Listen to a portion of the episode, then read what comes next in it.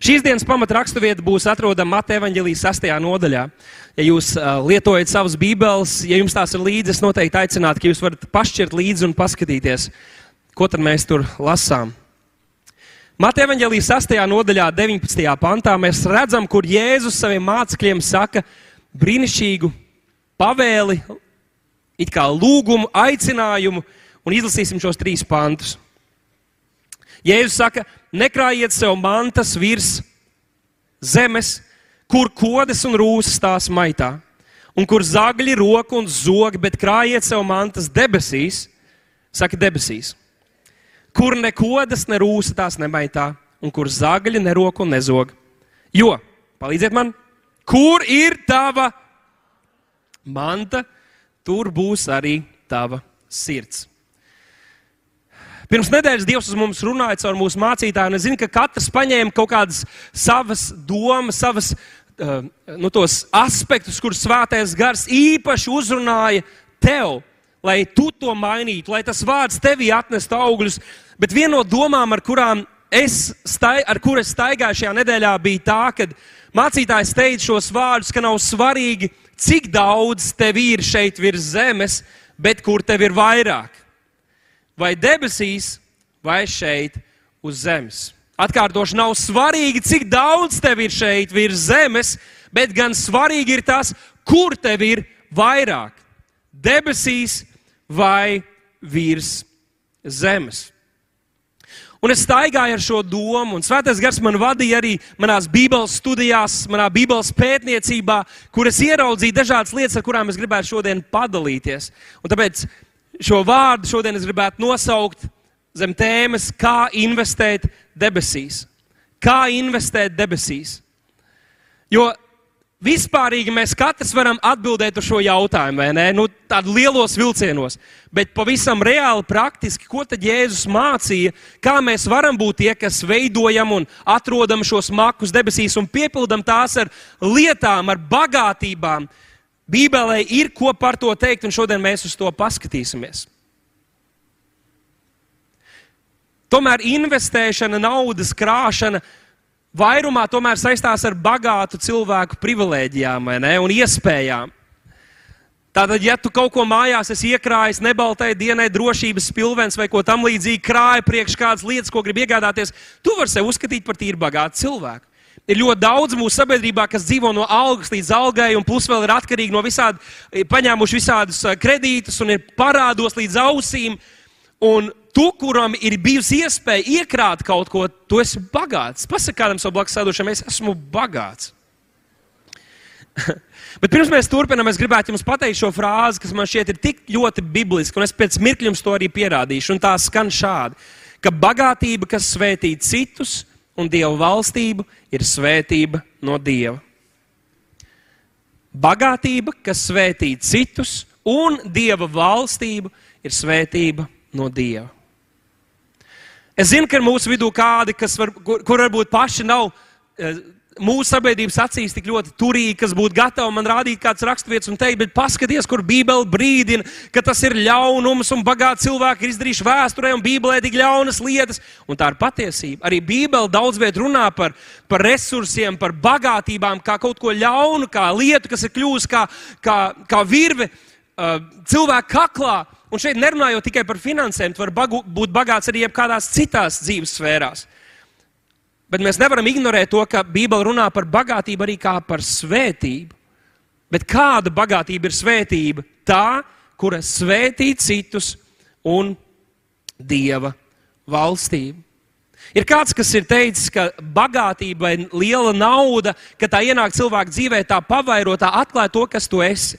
Un to mēs esam redzējuši paši, piedzīvojuši arī droši vien, ka tad, kad mēs bijām entos, entos gadus atpakaļ, pusauģi, pirmā darba vieta, ja tu biji devīgs un dāsns cilvēks, tad, tad pat, kad tev bija maz, tev nebija grūti dot un būt dāsnam. Bet tie, kuri bija sautīgi un sīksti jau tad, kad viņiem nekā nebija, arī tad, kad viņi nopelna daudz, viņi saglabājas un paliek tādi, un pat vēl vairāk kļūst sautīgi, egoistiski un patmīlīgi. Kāpēc tad es tik drosmīgi varu teikt šo frāzi, ka tā ir svētība no Dieva. Lūk, divi pierādījumi. 5. mūža grāmata, 8. nodaļa. Tur Dievs saka, bet piemini to kungu, savu Dievu, ka Viņš ir tas, kas dod tev spēku iemantot vai sagādāt labklājību, bagātību. Halleluja! Tātad, bagātība var kļūt par kaut ko sliktu, un es nerunāju tikai par finansēm. Bagātība var kļūt par kaut ko sliktu, bet, ja Bībele runā, ka tā ir svētība no tā kunga, svētība no dieva, tad die, no dieva nāk tikai labas, tīkams un pilnīgs dāvans.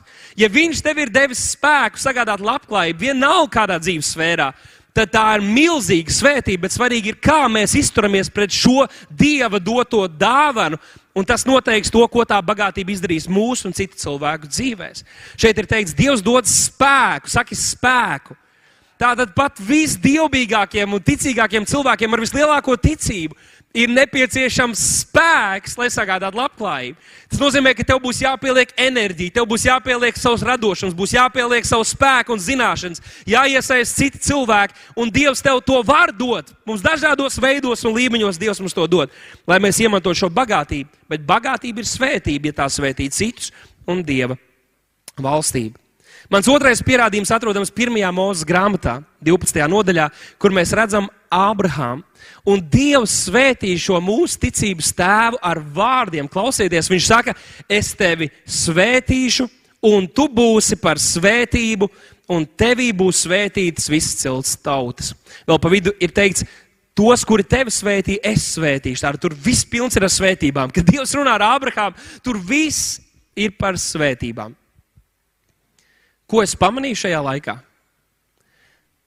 Ābrahāma svētīšana nebija dieva mērķis vai gala mērķis, gala punkts, pieturpunkts.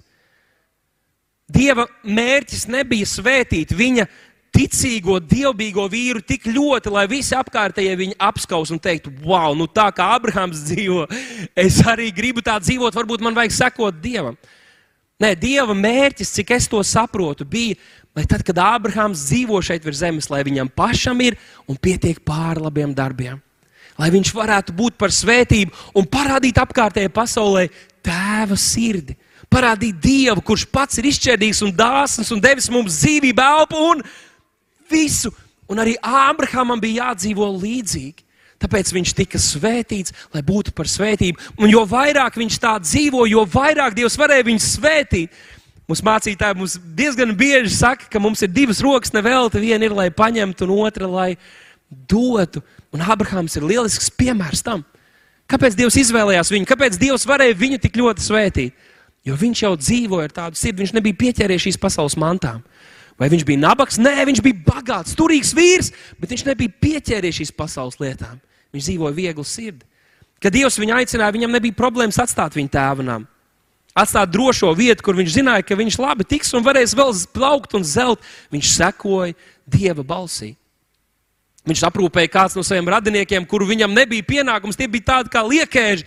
Viņš gādāja par viņiem, viņš neļaunojās uz viņiem, viņš parādīja tādu pašaizliedzīgu sirdi. Tad, kad viņš un Lats, kas ir viņa radinieks, viņiem abiem ir, viņi abi ir bijuši svētīti, tad kas notiek? Viņi iet, viņi saka, mēs nevaram kopā vairs dzīvot, jo mūsu kalpa sāk plēsties, mums nepietiek vietas. Un tad Abrahams viņam saka, labi, draugs, izvēlies, uz kuru pusi tu gribi iet, es iešu uz otru pusi. Un, ziniet, tas Lats nebija tāds kā Abrahams. Viņš pastījās uz vienu pusi, tur ir sauss, tūkstošains, tur nekāda veiksmu panākuma nebūs. Bet tā otra zeme, lai gan grēka pilna, bezdevības pilna, bet kāda zāle, kādi ūdeņi. Viņš izvēlējās to, un Ābrahamam tas neiecirta sirdī. Lai gan viņš bija veidojis viņu pa šo svētības ceļu, šo latu, tas neiecirta viņa sirdī. Neiecirta viņa sirdī tik ļoti, ka vēlāk, kad Lats cieta, viņš pats devās, lai atkarot, lai cīnītos par šo brāli, kurš principā iedūr viņam mugurā. Viņš uzticējās Dievam, un viņš priecājās par Latviju. Hei, viņam tur labi būs. Es iešu tur, un Dievs svētīs man arī tajā vietā. Lūk, kāda bija Ābrahāma sirds, un kāpēc Dievs viņu tik ļoti varēja svētīt. Un visbeidzot, Ābrahāms atcerējās arī upurēt tam kungam. Mēs lasām, ka viņš to darīja. Viņš deva arī Dievam to, kas Dievam pienāks. Es zinu, es tagad runāju par naudu, par finansēm, un ir daļa zāles, ir skatītāji, kas jau pirmajā minūtē atslēdzās un teica, nē, tas nav par mani. Tu nezini, cik es smagi strādāju, knapi tieku galā ar savu dzīvi, knapi var samaksāt par gāzi savā dzīvoklī, dzīvot un retu reizi aizbraukt kādā atvaļinājumā. Vai tad es esmu starp tiem bagātajiem? Padomāsim, vai tu esi bagāts? Ne, lūdzu, lūdzu, tikai nekliedzieties, tagad nesakiet, es pelnu tik un tik, kā lai es izdzīvoju, man pensija ir tik un tik. Bet vai tu esi pagāts? Uz šo jautājumu atbildi mainīgi ir atkarībā no tā, ar ko mēs salīdzinām. Man kādreiz pašam ir bijis tā, ka es aizbraucu uz kādu vietu, uh, uz kādu rajonu, satiek kādus cilvēkus, un tur es gandrīz jūtos nepiedienīgi svētīts, ka man ir tāda mašīna, man ir mašīnai lietie diski, es atzīšos, ir kondicionieris, tīri labā stāvoklī, mazliet šur tur rūsa, bet citādāk viss ir labi. un es gandrīz jūtos vainīgs, ka es esmu tik labklājīgi svētīts, ka, ka mana ģimene, ka mēs varam braukt ar to mašīnu. Bet kāda cita reize aizbraucu uz kādu citu vietu, un tā cilvēcīga, man liekas, cik es esmu trūcīgs. Pastieties, kāda var briesmīga mašīna. Atkarībā no tā, kādā vidē mēs atrodamies, ko mēs redzam apkārt, tas maina arī to, kā mēs paši jūtamies. Bet tas nemaina patiesību. Tas nemaina to, kas ir patiesība. Un lūk, Šajā nedēļā es atradu mājaslapu, kur būt, būtībā tā arī saucās, cik es esmu bagāts. Un man tas likās interesanti. Tur ir apkopot visi ienākumi, tātad visā pasaulē, visās valstīs cilvēki aptuveni tās vidējās algas, ienākumi, apkopot šajā mājaslapā. Un tad nu es ierakstīju, lai, lai es jums nebūtu pārāk atklāts, ierakstīju Latvijas vidējo algu. Un, cik es saprotu, tā uz rokas ir ap 886 eiro. Es zinu, ka vairums no jums pelna daudz, daudz, daudz, daudz vairāk. Ir kādi, kas drusku mazāk, bet tas pat nav būtiski. Tas nemaina lietas būtību. Un tātad, ja tav ienākumi ir 886 eiro mēnesī, klausies, tu esi bagātāks par 91,6% pasaules iedzīvotāju.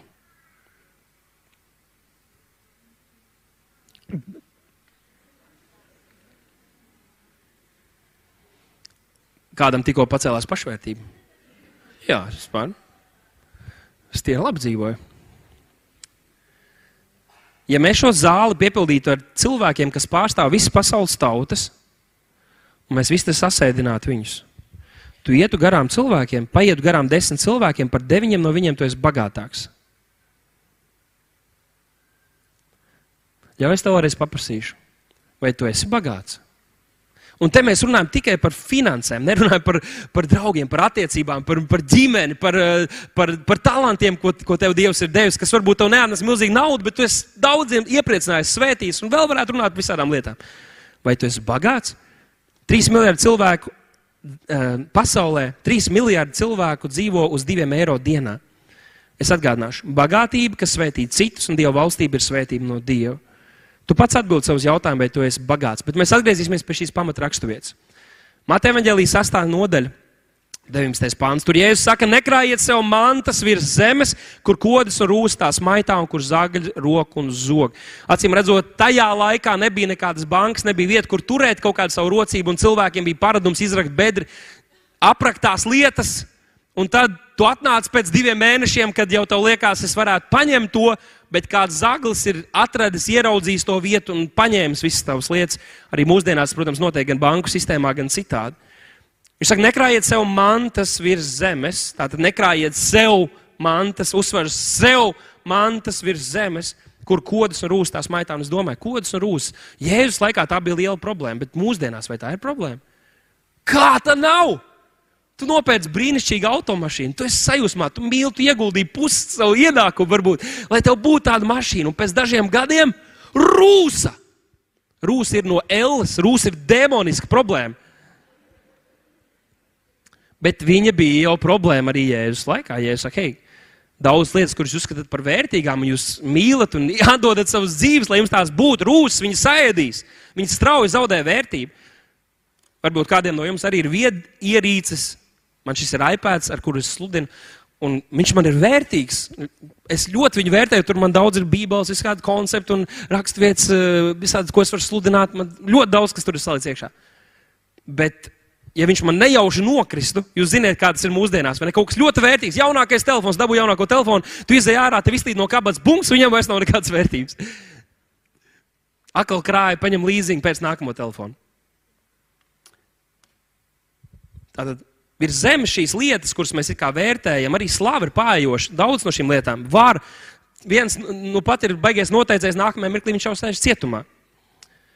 Nekrājiet sev mans virs zemes, kur kods un rūstās maitā. Bet kāpēc ja es to saku? Pirmkārt, tas ir tāpēc, ka šīs lietas ir pājošas, tās ir zudošas, arī nauda zaudē vērtību. Bet kāpēc otr, otrais iemesls, kāpēc, ja es šo saku, un beigās mēs to ieraudzīsim, ir tas, ka kur ir tava manta, tur būs tavs sirds. Kur tev būs vairāk mantas, tur, kur tu noliksi tās lietas, pēc tā tu ilgosies, pēc, par to tu domās, un tur paliks tavs sirds.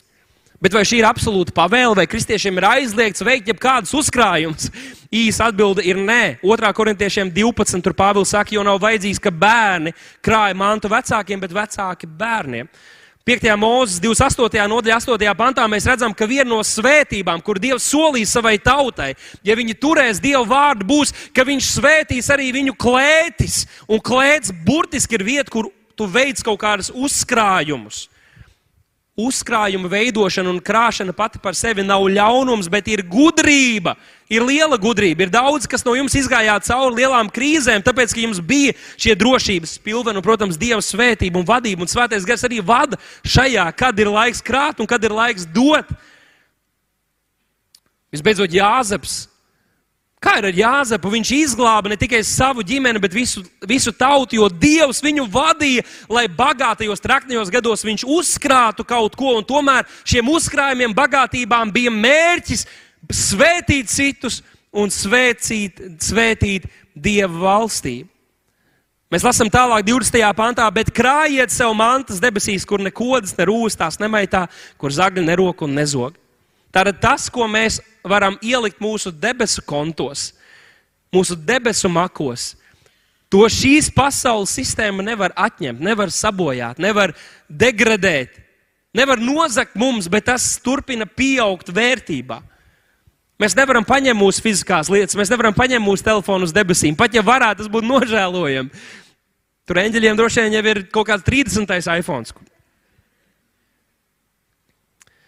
Bet mēs varam šīs neiznīcīgās lietas pārvērst, tātad iznīcīgās lietas pārvērst neiznīcīgās.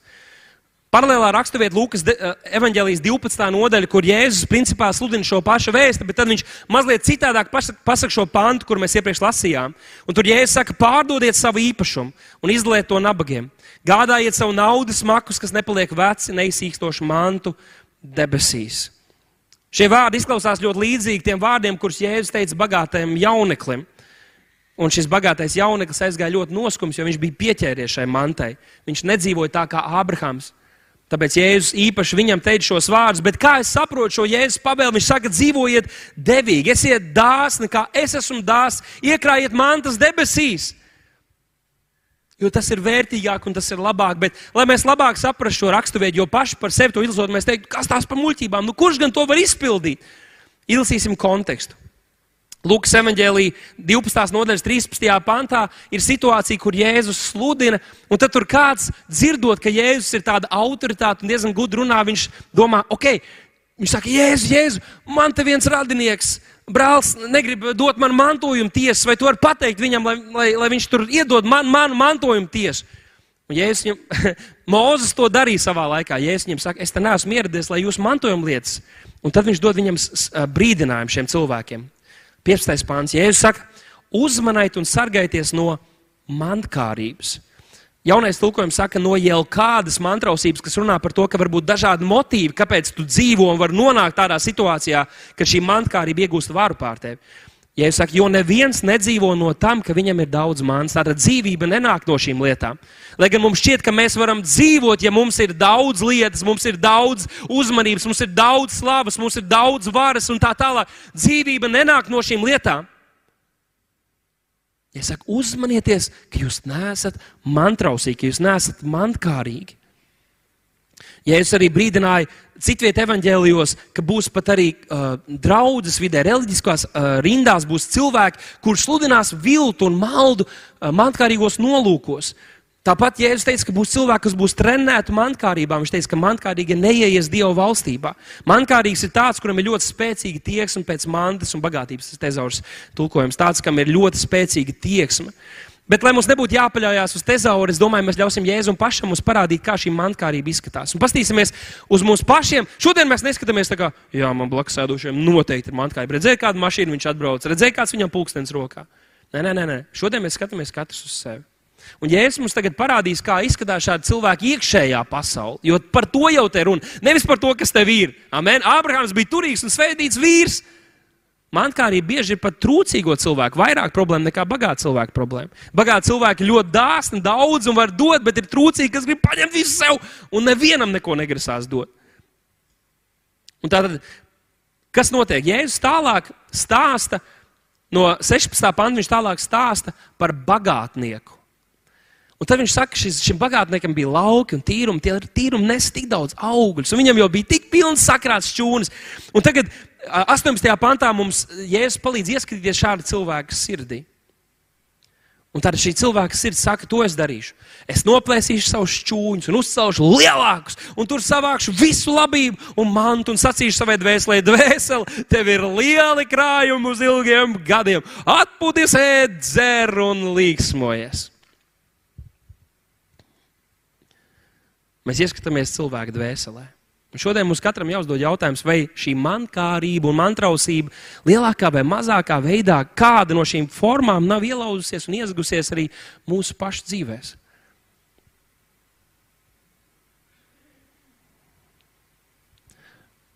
Un tad, kad šis bagātais cilvēks tā ir teicis, tad Jēzus saka, bet Dievs uz viņu sacīja, tu bezprātīgais, tu muļķi šajā naktī no tevis atprasīs tavu dvēseli. Pāvils vēstulē Timotejam rakstīja, ka visa ļaunuma sakne ir mantas kārība. Mantas kārība, viņš saka, ka daudzi paši sev nu, ar to ir nodarījuši daudz sāpju. Bet ziniet, ko es jums pateikšu? Runa nav par naudu, un nekad nav bijusi par naudu. Neviens cilvēks nemīl naudu pašu par sevi.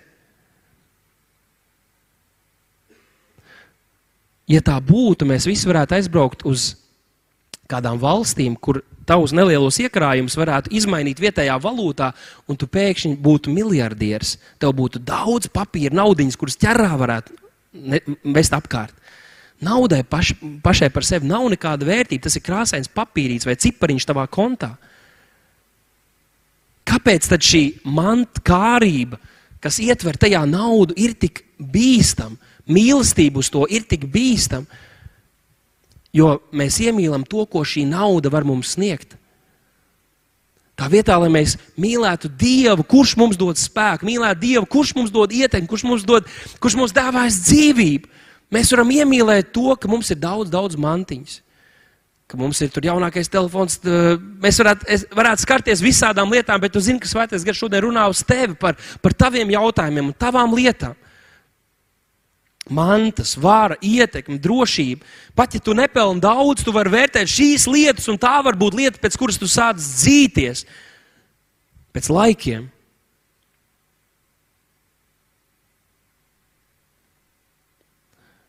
Izcils piemērs šajā ir Pāvils, kur viņš vēstulē Filipiešiem viņš raksta tādu interesantus vārdus, kurus ceru un ticu, ka mēs visi tā cenšamies dzīvot, kur viņš saka, es esmu iepazinis trūkumu, un esmu iepazinis arī pārpilnību, un tad viņš saka, es esmu iemācījies būt mierā ar visu un visā.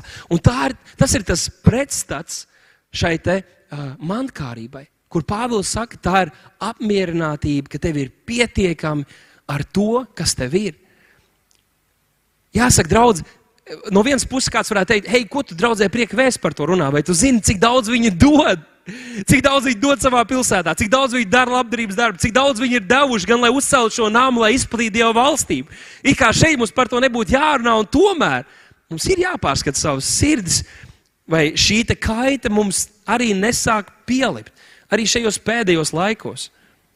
Viņš saka, esmu iepazinis gan to, gan to, un cik daudz jūs zinat, kā, kā nozīmē izskatās, kā izskatās nabadzība. Daudz no mums, zin, īpaši tie, kas ir mazliet vēl pirms manu vecumu, ir uzauguši, ka nebija nekā, un tagad ir kaut kāda pilnība. Un līdzīgi kā Pāvils, mums būtu jāsaka un jāmācās teikt, es esmu iemācījies gan tā, gan tā. Es varu gan tā, gan tā. Ja pēkšņi man pazust viss, es, es nebrauktu uz ārzemēm, es nebūtu izsamis, es negribētu izdarīt pašnāvību, jo mana identitāte nav manās mantās, nav manās lietās, nav manā mašīnā ar lietajām diskiem. Ja man nebūtu mašīna, es brauktu ar tramvaju, ja nebūtu tramvajs, es jātu ar zirgu, ja nebūtu zirgs, nākt ar kājām. Man nav problēmas. jo mana identitāte ir tajā, kas Kristus ir, ko Dievs ir izdarījis manā dzīvē. Un, ja man ir svētības, ja es esmu bagāts, es centīšos būt par svētību citiem un izbaudīšu visu, ko Dievs man ir devis. Bet, ja manā dzīvē ir sezona un pat paklausieties, es zinu, ka ir ka mēs ticam un Dievs ir par svētību, ir svētības Dievs, bet Latvijā ir un pasaulē ir vietas, kur kristiešiem grūti iet. Viņiem ir jātic par ikdienišķo maizi. Šī lūkšana, kur mēs tā viegli prātīgi palūdzam, dod mums dienascho maizi, tā burtiski ir viņa lūkšana. Dievs ir arī viņu Dievs. Un Dievs ir uzticams, un viņi ir Dieva gribā, pat ja viņam nav tik daudz, bet Dievs parūpēs par saviem bērniem. Un, ja pat viņiem būtu badā jānomirst, viņi valstībā tiks uzņemti kā varoņi, jo viņi ir maksājuši dārgu cenu par to, ka sekojuši Kristu. Nedomāsim, ka Dieva vienīgais uzdevums ir, lai mēs būtu bagāti un svētīti. Nē, Ābrahāmu Dievs svētīja, lai viņš būtu par svētību. Es dzirdēju Amerikas Savienotajās valstīs par uzņēmējiem, kas nāk kopā un apmainās pieredzē un domā, kā var nopelnīt vēl vairāk naudas. Aleluja! Lai varētu vēl vairāk finansēt Dieva valstību. Ir kādi, kas saka, es gribu pelnīt tik daudz naudas, ka es varu dzīvot no 10% un visu pārējo dot. Un es gribētu tā dzīvot. Dievs palīdz man arī tik, kā saka, līdz tam līmenim. Kalpošanā ar to neiet, man jāsāk biznesa papildus tam. Tad. Halleluja! 21. pantā Jēzus turpina, lūk, tā iet tam, kas sev mantas krāj un nav bagāts Dievā. Lūk, šis jautājums, ko mācītājs teica pagājušajā svētdienā. Kur ir tava bagātība? Kur tev ir vairāk? Vai tu krāji vienkārši priekš sevis, vai kā suns uz siena kaudzes? Vai tev gribās vēl labāk, vēl vairāk? Vai mēs esam bagāti Dievā? Bet bagāti Dievā mēs varam būt, ja mēs investēsim Dieva lietās. Un darīsim tās lietas, par kurām es šodien arī runāšu. Tālāk Jēzus apsola apgādību, viņš saka par, par uh, dzīvniekiem, par radījumu. Viņš saka, kā Dievs par viņiem rūpējās, viņš rūpēsies arī par jums. Un 29. pantā Jēzus saka, tāpēc neraizējieties arī jūs par to, ko jūs ēdīsiet un dzersiet. Un neuztraucieties, jo visu to meklē pasaules tauts. Viņš saka, pēc tā visa dzēnas pagāni, bezdievi, cilvēki satraucās tikai par šīm lietām, vai viņiem rūp šīs lietas. Par to viņi domā tikai, kā vēl uzvilkt kaut kādu jaunu klozu vai ko. Viņš saka, jūsu tēvs jau zina, ka jums tas viss ir vajadzīgs. Jēzus cenšas mums pateikt arī šodien, draugi, ka pasaulīgiem cilvēkiem ir normāli, ka viņu domas visu laiku ir par to, kā vēl kaut ko dabūt sev Bet Jēzus saka, jūs neesiet tādi, domājiet citādāk, domājiet, kā es vēl vairāk, tas saskan ar pagājušās svētdienas vārdu, kā es vēl vairāk varu kaut ko, kas, ko Dievs man ir devis, atdot, lai valstība ietu plašumā. Atdot Dieva lietās, parādīt viņa sirdi šajā pasaulē, kurā mēs dzīvojam. Kā tad mums ir jādzīvo 31. pantā, ja jūs sakat, zenieties vairāk pēc Dieva valstības, tad jums visas šīs lietas taps piemestas. Pasakādam savu blakus sēdošiem, tiks piemestas. Tas neatceļ to, ka Dievs tev dod spēku sagādāt labklājību, bet tas nav tas, ar ko tev būtu visu laiku jābūt nodarbinātam. Skatieties, kā atšķirās kristietis, kurš dzīvo bibliski Dievu priekšā finansēs, krist, vai citās lietās, un kristietis, kur, kurš nedzīvo. Viens saka, Dievs, es ticu, ka tu esi svētības Dievs, un es gribu to mersi. Un es ticu, ka man tas mersis būs. Jēzus, man būs divreiz lielāka auga, lai es varu to mersi dabūt. Un viens cits saka, Dievs, es ticu, ka tu man svētīs, un ka būs jauns finanses, lai tajā nākamajā projektā, lai draudzē var kalpošanas jaunas uzsākties, lai mēs varam ielu evanģelizācijas, lai mēs varam parūpēties par tādiem, tādiem cilvēkiem. Es ticu, ka Dievs, tu paplašinās man biznesu, ka dos man karjerā izaugsmas iespējas, jo es tev uzticos un es gribu būt devējs. Es gribu dzīvot tā, kā tu esi dzīvojis pret mani. Tie ir divi kontrasti. Jautājums ir, kur esam mēs? 3.2. pāns, ja es saku, nebīsties, tu mazais ganāmais pulciņš, jo jūs tēvs ir nolēmis jums piešķirt valstību. Pēc īsa mirklīša, ko mēs dzīvojam šeit virs zemes, tēvs jums ir grib piešķirt valstību. Viņš saka, tāpēc nedzīvojiet tā. Viņš saka, nebaidieties, mazais pulciņš, ganāmais pulciņš, es esmu jūsu gans. Pat ja dzīvojiet pašaizliedzīgi, dzīvojiet parādot citiem tēvu Lai valstība iet plašumā. Jo ziniet, ko tas, ka jūs dzīvosiet strādīgi, bet pašaizliedzīgi šeit virs zemes, tas palīdzēs valstībai iet plašumā. Un es jums tik un tā došu valstību. To valstību šeit virs zemes mēs nopelnīt nevaram. Jautājums ir, kuru valstī mēs gribam? Vai mēs gribam valstību uzcelt šeit, vai mēs gribam dzīvot tajā valstībā, kuru viņš mums dos? Lūk, jautājums, kur tava manta, tur būs tavs sirds. Un es atgādinu, šeit nav runa tikai par tiem, kas var nopelnīt desmitiem tūkstošu.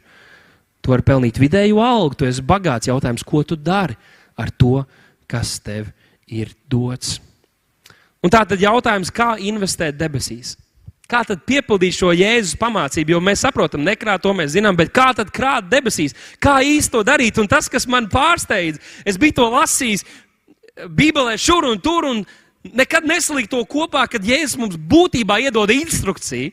Kā šīs investīcijas debesīs veikt jau šeit virs zemes? Un viena no tām mēs jau redzam, ir šī finansiālais aspekts. Bet tad es skatījos, kur Jēzus runā par to, ka jums būs alga, ka jums būs atmaksa. Un es jums pateikšu šīs frāzes vai lietas, darbības, kuras sagādā šo algu debesīs. Un šajā nedēļas sākumā mēs arī ieliksim mājaslapā rakstu, kur būs mazliet vairāk izvērsts raksturvies, lai jūs varat mājās papētīt tiem, kam ir interese. Jau pirmdien mēs to ieliksim pēcpusdienā. Uh, jo tagad nebūs laika visu to apskatīt. Tātad, lai debesīs mums būs alga, Jēzus mācīja ja tu mīlēsi tos, kuri tevi nemīl, Viņš teica, ja jūs mīlat tos, kas jūs mīlat, tad kāda alga jums nāks? Ja? Tātad tos, kuri tevi nemīl, ja tu mīli, ja tu dzīvo kā patiesa kristietis, visu to varētu savilkt. Ja tu dzīvo kā kristietis, tev būs liela alga debesīs. Mīli tos, kuri tevi nemīl, dod mīlestības dāvanas, lūdz, gavē, parāda viesmīlību kalpotājiem, citiem ticīgajiem un tiem, kas nespēja tev atdarīt labu ja tu rūpējies par kristiešu vajadzībām, ja valstības dēļ tu atstāji kaut ko dārgu, un ja tu dari evaņģēlis darbu. Tās ir dažas no lietām, ko es saskatīju, kur Jēzus saka, un apsolu, ka jums būs alga, ja jūs darīsiet šīs konkrētās lietas. Ja jūs tās darīsiet, jums būs alga. Un kādreiz es domāju, savukārt, interesanta situācija, ko jūs noteikti esat pamanījuši eh, Bībelē kur Jēzus arī saka, ja jūs darīsiet šīs lietas, bet tādā veidā, un tās ir tās pašas lietas, kuras mums jādara, lai mums būtu alga, bet citādākā veidā, citādākā attieksme, citādākā motivācija, tad Jēzus saka, tad jums algas debesīs nav, bet šeit virs zemes jūs jau to visu esat saņēmuši. Jūs laikam zinat, par ko es runāju, rūtīt kristieši. Un tur arī ir dažas raksturvietas, kuras būs tajā rakstā. Tātad to pat varētu nosaukt par garīgu mantkārību. Viņš saka, ja jūs mīlat tos, kas jūs mīl, Protams, viņus ir jāmīl vienkārši, un par to nav nekāda alga. Tas vienkārši ir patīkami. ja jūsu taisnība grib spīdēt ļaužu priekšā, ja jūs dodat mīlestības dāvanas, lai ļaudis jūs godinātu, ja jūs lūdzat, lai ļaudīm rādītos, ja jūs gavējat, lai ļaudīm rādītos, tad es ka jūs uztvērāt šo kopējo ainu. Ja jūs sakat, jums būs alga, bet alga jums jau būs uzreiz tajā pat brīdī. Jūs darat pareizo lietu, tu gavē, bet tu to dari, lai rādītos ļaudīm. Tev būs alga, bet tu jau to algu saņemsi tur tajā pat brīdī, kad tu parādījies kā gavētājs, vai kad tu tur palielījies, ka tu esi baigies gavētājs. Hops, viss, alga es saņēmu. Trīs aplausus, un viņa jau aizmirs. bet, saka, bet tas, ko jūs darat slepenībā, ko jūs darat apslēpt, kad jūs dodat, kad jūs lūdzat, kad jūs gavējat, kad jūs darat šīs labās lietas, un tēvs to redz, neviens cits to neredz, jums neaplaudē tad jums būs alga debesīs. Uh! Un es domāju par šīm raksturvietām, es domāju, oh, kā varētu apskaust tos cilvēkus, kas ir pašaizliedzīgi gadiem ilgi kalpojuši draudzē. Runājot kaut vai tikai par draugu, kas ir gadiem ilgi nākuši slavēšanās, spēlēt instrumentu un ziedojuši savu laiku un talantu, lai kalpotu draudzē. Un labākais, ko viņi ir saņēmuši, ir, ka kāds iedomājas par viņiem tur tālajā stūrī, jo jūs pretīm sēžat. Un tieši viņam pateica, paldies ar aplausiem. Viņi nāk un kalpo, alga nezudīs. Iedomājieties par mūsu svētdienas skolotājiem, kur vajag vecākiem arī pateikt, un novērtēt un iesaistīties. Bet tie, kas ir kalpojuši jūsu bērniem un bērnu bērniem, kāda alga debesīs. Bet lūk, tagad mēs esam pie, pie, lielajiem, pie, pie lielajiem punktiem. Jo trīs lietām Jēzus runā evanģēlijos, par kurām viņš sola lielu algu. Ne vienkārši algu, kā, bet alga, alga pie algas krāja arī ir labi. Sakrājies tas lielais, bet viņš reāli saka liela alga. Un šajā gadījumā, protams, es negribu, lai mēs esam garīgi mankārīgi, tagad mēs darīsim visu to, ja tur jau tā eh, motivācija mums nomainās, vai ne? Bet viņš saka, ja jūs dzīvosiet kā patiesi Dieva bērni un aizliegsiet sevi, dzīvosiet tā, kā Kristus mūs ir aicinājis dzīvot, tad jūs gaida kaut kas. Un, Mēs ar mācītāju vienreiz runājām, un viņš teica par šo, šo domu, ka, ka vēlams runā uz ticīgajiem, ka vēlams runā uz kristiešiem, kur saka tas, ka tu rīkojies pareizi, tas, ka tu dod, tas, ka tu kalpo, tas, ka tu iesaisties. Tu šķietam liekas, ka tu neko neiegūsi. Tavi radi un draugi dzīvo, bet tu taisi savu mazo grupu, tu brauc uz draugu, tu ņem dalību tajā, tu sludini evaņģēlī, ka nav tūlītē nekāda rezultāta. Bet klausieties, ko Jēzus teica. Teica, ja šeit virs zemes tev uzreiz ir alga, tad tev tur nekā nebūs, bet tu uzticies viņa vārdam. Un dari to pat, ja liekas, ka nekādi augļi lielie nav. Vienkārši tas uzticams viņa vārdam un kalps savam kungam. Sagaidi to dienu, iztur līdz tai dienai. Nepazaudē savu algu. Ir daudz, kas ir pazaudējuši savas algas, un Bībele arī par to brīdina. Nepazaudē savu algu, uzticies Jēzus vārdiem. Netici man, izlasi to, ko Jēzus teica. Viņš teica, ka šī alga būs. Uzticies Jēzus vārdiem. Tātad šīs trīs lietas, kuras darot, mēs varam saņemt lielu algu. Ļauj, lai tas iedvesmo tevi un maina tevi šodien. Tas ir Dieva vārds, kas mūs mazgā. Māte evaņģēlī 11. nodaļā. Mēs lasām, ka Jēzus iepriekš ir runājis šo kalnu svētru, kas pati par sevi ir dzīve mainoša. Mēs redzam, kā izskatās kristiešu dzīve un sirds nostāja.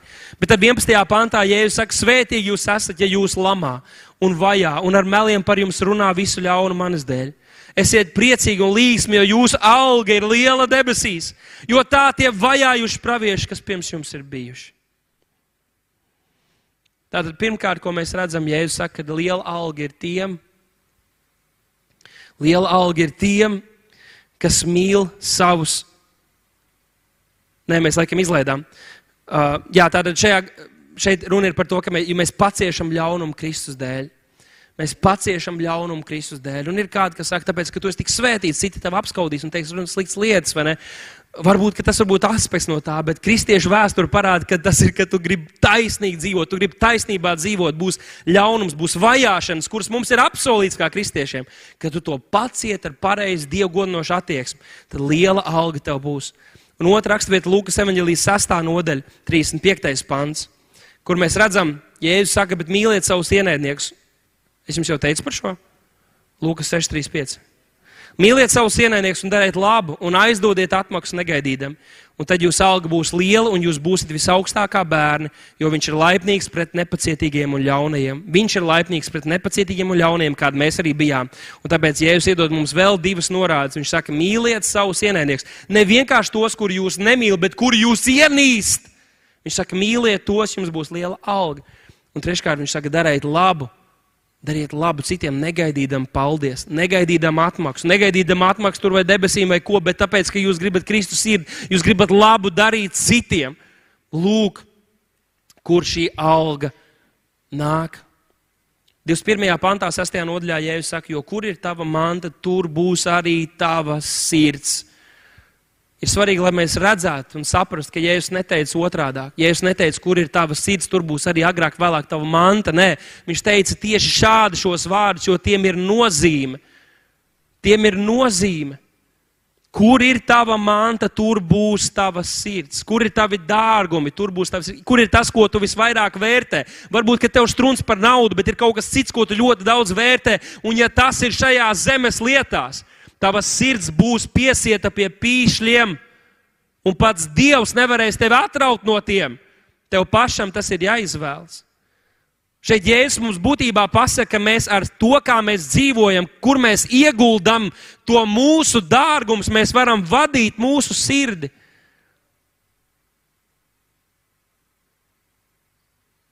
Padomājam par automašīnām. Tev liekas, ka viņi ir pavisam beigta, sapuvusi, salauzta, tu gribi viņu pārdot, neviens negrib pirkt. Tad tu ieguldi viņā divus tūkstošus, un pēkšņi tu, tu nevienam negrasies viņu pārdot. Jo tavas sirds, tavas investīcijas, tava nauda aizgāja tajā lietā. Kā ir ar draugu, ja tu nāc uz draugu, un tu nekad neesi iesaistījies finansiāli, protams, te uzsvilps kaut kas vasarīgs laiks vai kas, tu būsi prom, bet ja šeit ir arī tavas finanses, daļa tavas dzīves, tu ticēsi par to, ko Dievs grib darīt šeit mūsu vidū.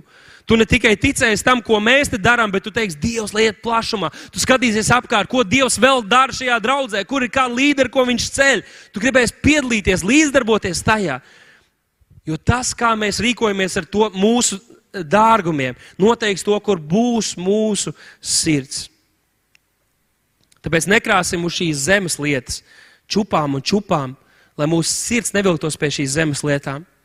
Un noslēdzot, es vēlētos jums izlasīt kolosiešu vēstules trešo nodaļu, kur Pāvils, kur Pāvils uzrunā. Viņš runā par šīm miesas lietām, un tur tos starpā viņš min arī šo mantkārību, par kuru mēs šodien esam runājuši. Un te viņš saka, tāpēc nonāvējiet, jeb atņemiet spēku, nobadējiet. Arī kādreiz var teikt, ka tas nav tāds viena aizlūgšana, viens mirklis, bet tev jābadē šīs lietas, šīs kārības. Tev viņas jā, ilgstoši ar viņām jācīnās, līdz viņas iznīks tavā dzīvē. Viņš saka, tāpēc nonāvējiet, tas ir process sevī to, kas pieder zemei netiklību, nešķīstību, kaisli, ļauno iekāri un mantkārību. Un šim vienam ir vēl papildinājums ielikts. Mantkārību tā ir elku kalpība. Viņš saka, viņu dēļ nāk dieva dusmība pār nepaklausības bērniem, kas dzīvo šajās kārībās, kas dzīvo šajās miesas kārībās. Es izlasīšu vēlreiz. Tāpēc nonāvējiet, atņemiet spēku sevī tam, kas pieder zemei, kas velk pie zemes, pie šīs zemes lietām - netiklību, nešķīstību, kaisli, ļauno iekāri un mantkārību. Tā ir elku kalpība. Atcerieties, pagājušajā svētdienā mācītājs teica par to eh, pulksteni, ka viņš saprata, ka viņam tas nav vajadzīgs tajā brīdī. Te nav runa par ārkārtīgi lielām lietām. Varbūt ir kaut kas, kas tev velk pie pīšļiem, kas ir kļuvis par elku tavā dzīvē, no kā tev varbūt būtu jābūt gatavam atvadīties. Nonāvējiet šīs lietas. Kāpēc mankārība ir alkoholība? Jo nauda un mantas mums dod visas šīs lietas, kuras Dievs, ir, Dievs vēlas mūs apgādāt ar tām. Ja tu tiec pagodināts, paaugstināts, ja tu iegūsti vāru, atpazīstamību, vai tas ir Dievs, kurš tev ir pacēlis, vai tā ir tā nauda, vai tie ir kaut kādi resursi, kur tev ir aizvadījuši līdz tam, kam tu dod godu, uz ko tu paļaujies, kur ir tava drošības sajūta visbeidzot vai šīs pasaules lietās, kuras tu esi ak akumulējis, vai tas ir Dievs. Un tad, kad tās ir šīs pasaules lietas, tad principā Bībele saka, mēs esam garīgas prostitūtas, jo mēs apliecinām Kristu, bet mēs klanamies un pielūdzam un godinām lietas, kuras dāvājas mums ir Dievs. Un tajā brīdī bagātība, kas bija svētība no Dieva, var kļūt par lāstu, no kuras mums ir jābūt gataviem atvadīties tāpat kā tam jaunajam, bagātajam jauneklim.